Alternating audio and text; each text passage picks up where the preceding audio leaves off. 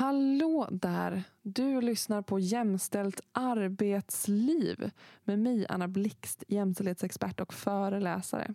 Det här är podden om olika aspekter av ojämställdhet i arbetslivet. Full av fakta och studier och tips och råd och en väldig massa åsikter. Varmt välkomna ska ni vara.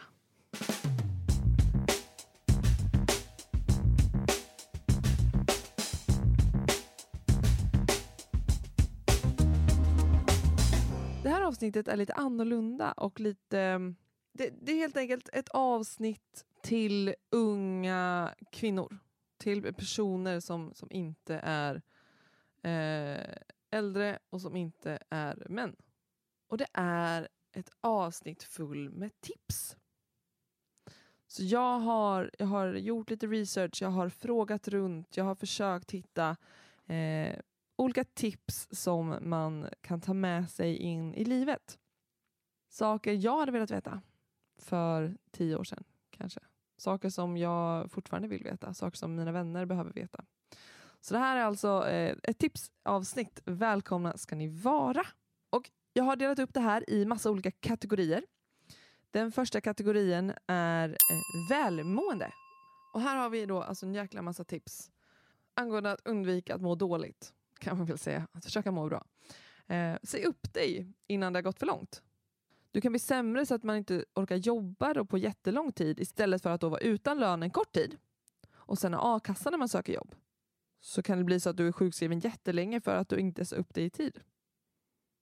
Försök att spara till ett eh, sånt här fuck off-kapital till de här lägena. Så att du kanske klarar dig utan inkomst i två, tre månader. Försök att ha det. Alltså det kan vara bra till relationer och sånt också, men, men försök att ha ett konto någonstans som du sparar till eh, kanske sommarjobbspengar eller vad som helst. Så att, så att du kanske klarar det i alla fall två, tre månader. Hur mycket är det då? Hur mycket går åt? Det beror på var man bor förstås, men 20-30 tusen så. För man klarar sig på ett CSN om man inte bor i, i centrala Stockholm. Försök förstå vilka krav som faktiskt finns på dig. Vad är den yttre kravbilden? För ofta är den upplevda kravbilden högre än den verkliga. Och good enough är väldigt ofta tillräckligt. Är det någon som har sagt till dig att göra 15 tårtor? Nej, det är det inte. Du hade kunnat köpa dem. Jag vet inte, det är kanske ett dåligt exempel. Men så, så man förstår också det, både i relationer och i arbetslivet. Vad är den verkliga kravbilden? Vad förväntas faktiskt av dig? Och vad upplever du som förväntas? När som helst i karriären kan man känna sig som en bluff. Och det är okej. Okay. Alltså det kan vara i början, det kan vara när man börjar en ny tjänst, det kan vara när man har jobbat på någonting jättelänge men någon säger du som expert på det här, man bara oj oj oj. Eh, och det är jättevanligt och inget konstigt och alla känner så. Stå upp för dig själv och för andra. Om du känner dig obekväm eller orättvist behandlad, säg till en chef eller en facklig representant. Löneförhandling. Var aldrig tacksam för ett jobb. De ska vara tacksamma att du är där. Verkligen. Så inte där, åh jag är så glad att jag fått det här så det räcker med 25 000. Nej. De ska vara tacksamma att du vill jobba hos dem. Betona personlighet i löneförhandling. Det är någonting som ofta glöms, någonting jag pratat om tidigare också, att det här med ja men du är alltid så peppig och glad och det bidrar till så himla mycket på kontoret. Jajamän! Det är någonting jag aktivt jobbar med. Det är inte som att jag mår så varje dag, men jag vet att det påverkar kontoret. Jag vet att Lovisa Sterner nämnde det här i det avsnittet när hon var med hos mig och pratade om det. Gav mig en ordentlig insikt kring det. Kolla upp lönestatistik innan du ska löneförhandla. Om du känner äsch, jag bryr mig inte så mycket om pengar eller jag orkar inte. Gör det för andra kvinnor. Speciellt om du är i mansdominerad bransch och du är så här, ah, men jag, oh, det spelar ingen roll, jag behöver inte pengar. Nej, men andra kvinnor gör det. Se då dessa kvinnor framför dig när du förhandlar. Och när du väl gör det, överdriv. Lägg på 4 000 mer än vad du vill ha. Om de vill ha dig så är det värsta som kan hända att du får lite lägre än du har begärt. Vill de inte ha dig så hade de inte velat ha dig ändå. Det handlar ytterst sällan om pengar och det går alltid att förhandla om. Löneförhandla varje gång din tjänst förändras. Och kom ihåg att du har rätt att löneförhandla även när du är föräldraledig, tjänstledig, sjukskriven. Du har alltid rätt att löneförhandla. Om de inte kan möta ditt löneanspråk så finns det också andra saker man kan be om. Till exempel längre semester, eh, mer friskvårdsbidrag, kanske mer kompetensutveckling, ett pendelkort, lite mer pension. De kanske inte kan möta det, men de kanske kan möta annat. Eh, du behöver inte säga vad du tjänade på ditt förra jobb och du får ljuga. De kan ju kolla upp det förstås. Så den kanske är dum. Eh, men du behöver inte säga i alla fall. Du behöver inte säga att ah, jag hade 28 och de bara, ah, men då får du 29 nu.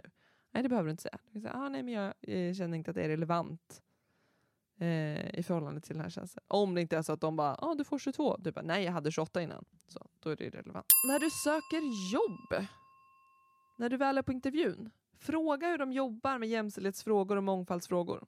Säger de att de har eh, lite problem men de jobbar med det, skitbra. Då har de insikt i alla fall. Säger de å andra sidan att de inte har några problem, spring. För då har de ingen självinsikt och kommer inte göra någonting åt det och alla har problem. Våga söka tjänster som du inte trodde var kvalificerad för. Män gör det och de lyckas jättebra. Eh, det finns ju statistik på att män är i högre utsträckning än kvinnor underutbildade för sina positioner. Kvinnor är överutbildade istället. Så det går svinbra. Sök och sen får man se hur det går. Du kan inte förlora någonting på det, förutom lite tid då. Men det är okej. Okay. Prata med någon som jobbar på företaget du har sökt hos. Dels för att visa intresse och dels för att få reda på om det är en bra arbetsplats.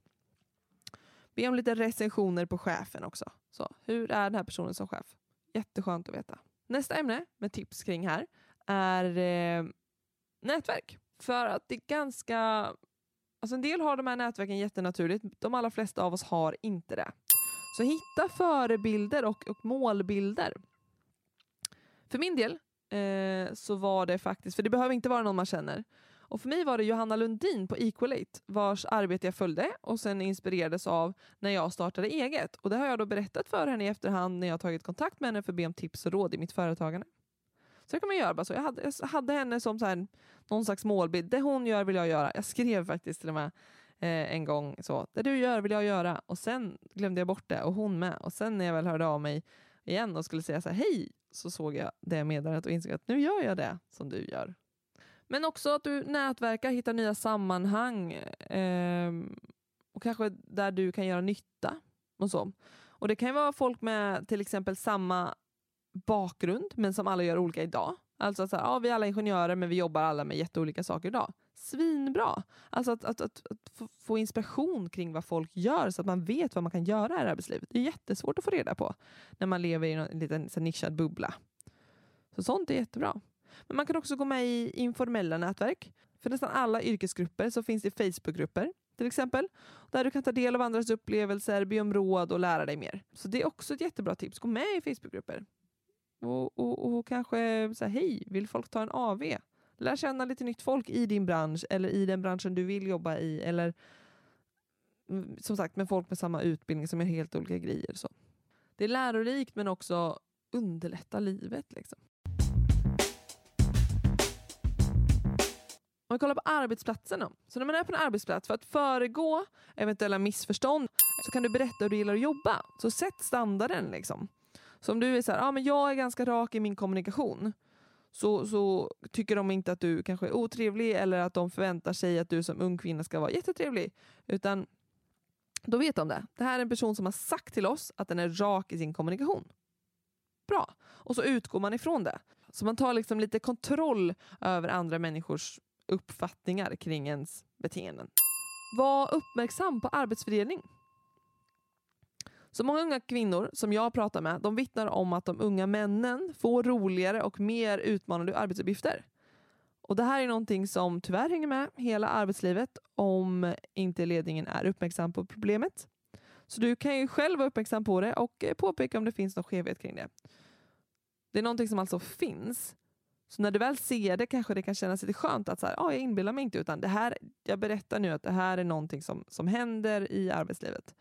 Så är man uppmärksam på det och ser det så kan man nog ja, men, göra någonting åt det eller åtminstone veta när det är dags att byta arbetsplats.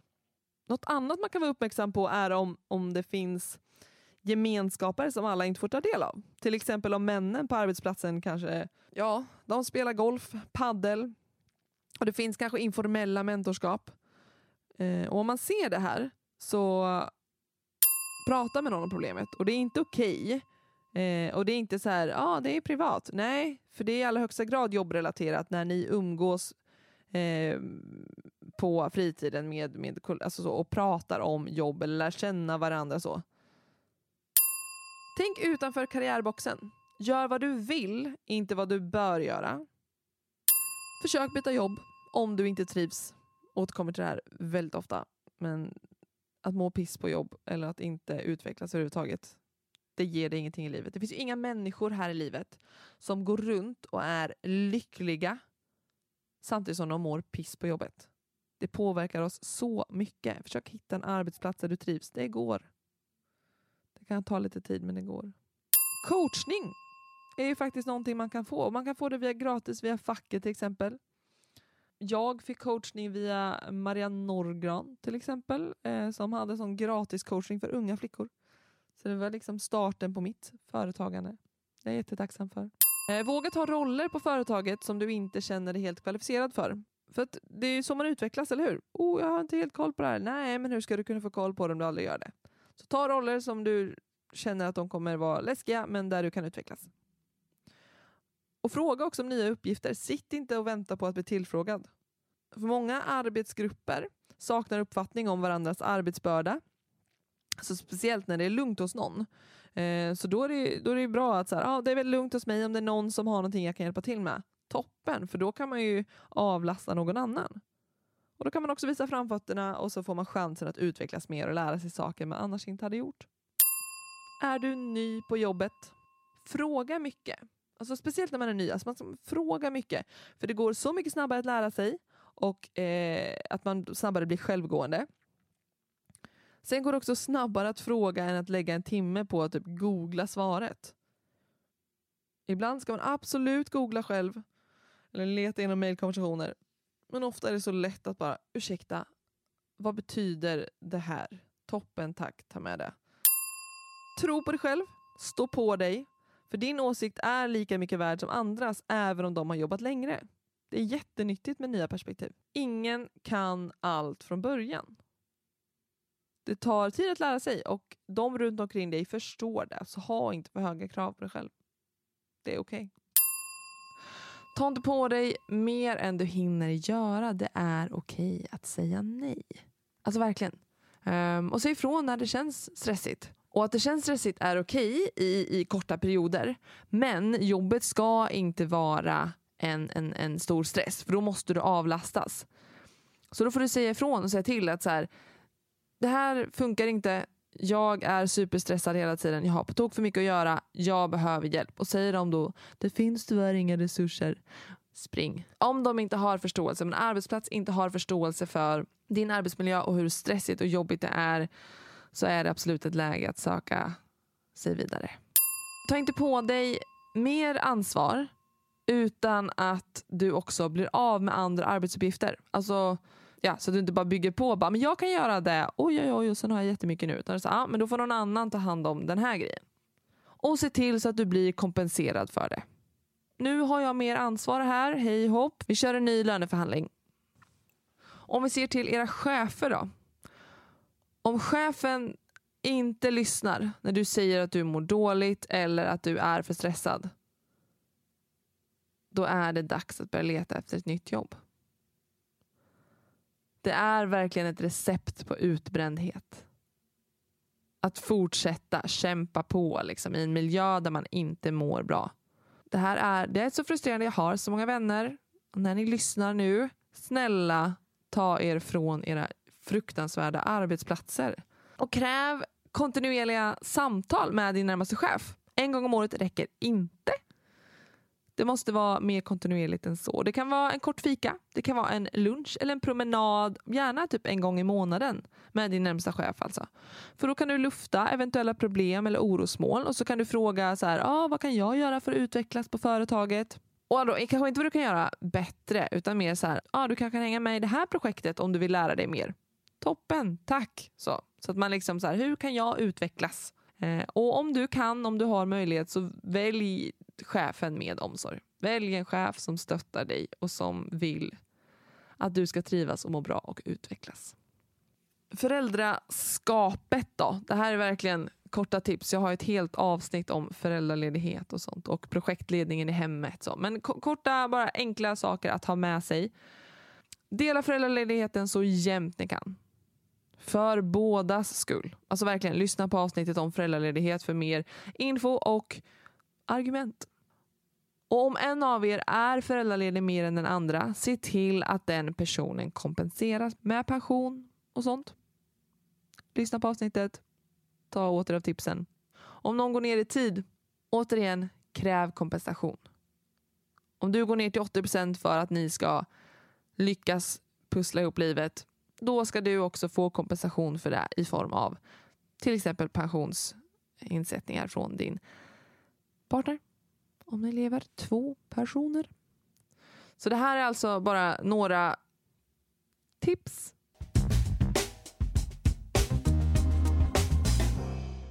Och Det här var allt från Jämställt arbetsliv för den här säsongen.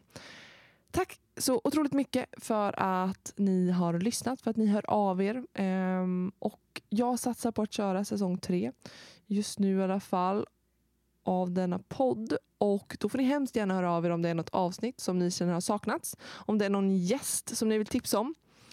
Eh, eller om du som lyssnar kanske känner att här borde jag vara med Jag har kunskap som svenska folket, nåja, behöver få ta del av. Och förresten så har det ju kommit en eh, funktion på Spotify där man kan eh, ge betyg till podcasts. Det vore kul om ni gör. Och Den här säsongen av podden har ju nått ut till så många fler faktiskt än säsong ett, vilket är fantastiskt roligt. Återigen, stort tack för att eh, ni lyssnar och eh, på återhörande. Puss och kram! Det här avsnittet har klippts av Sofia Svandi från Mill Meadow Media.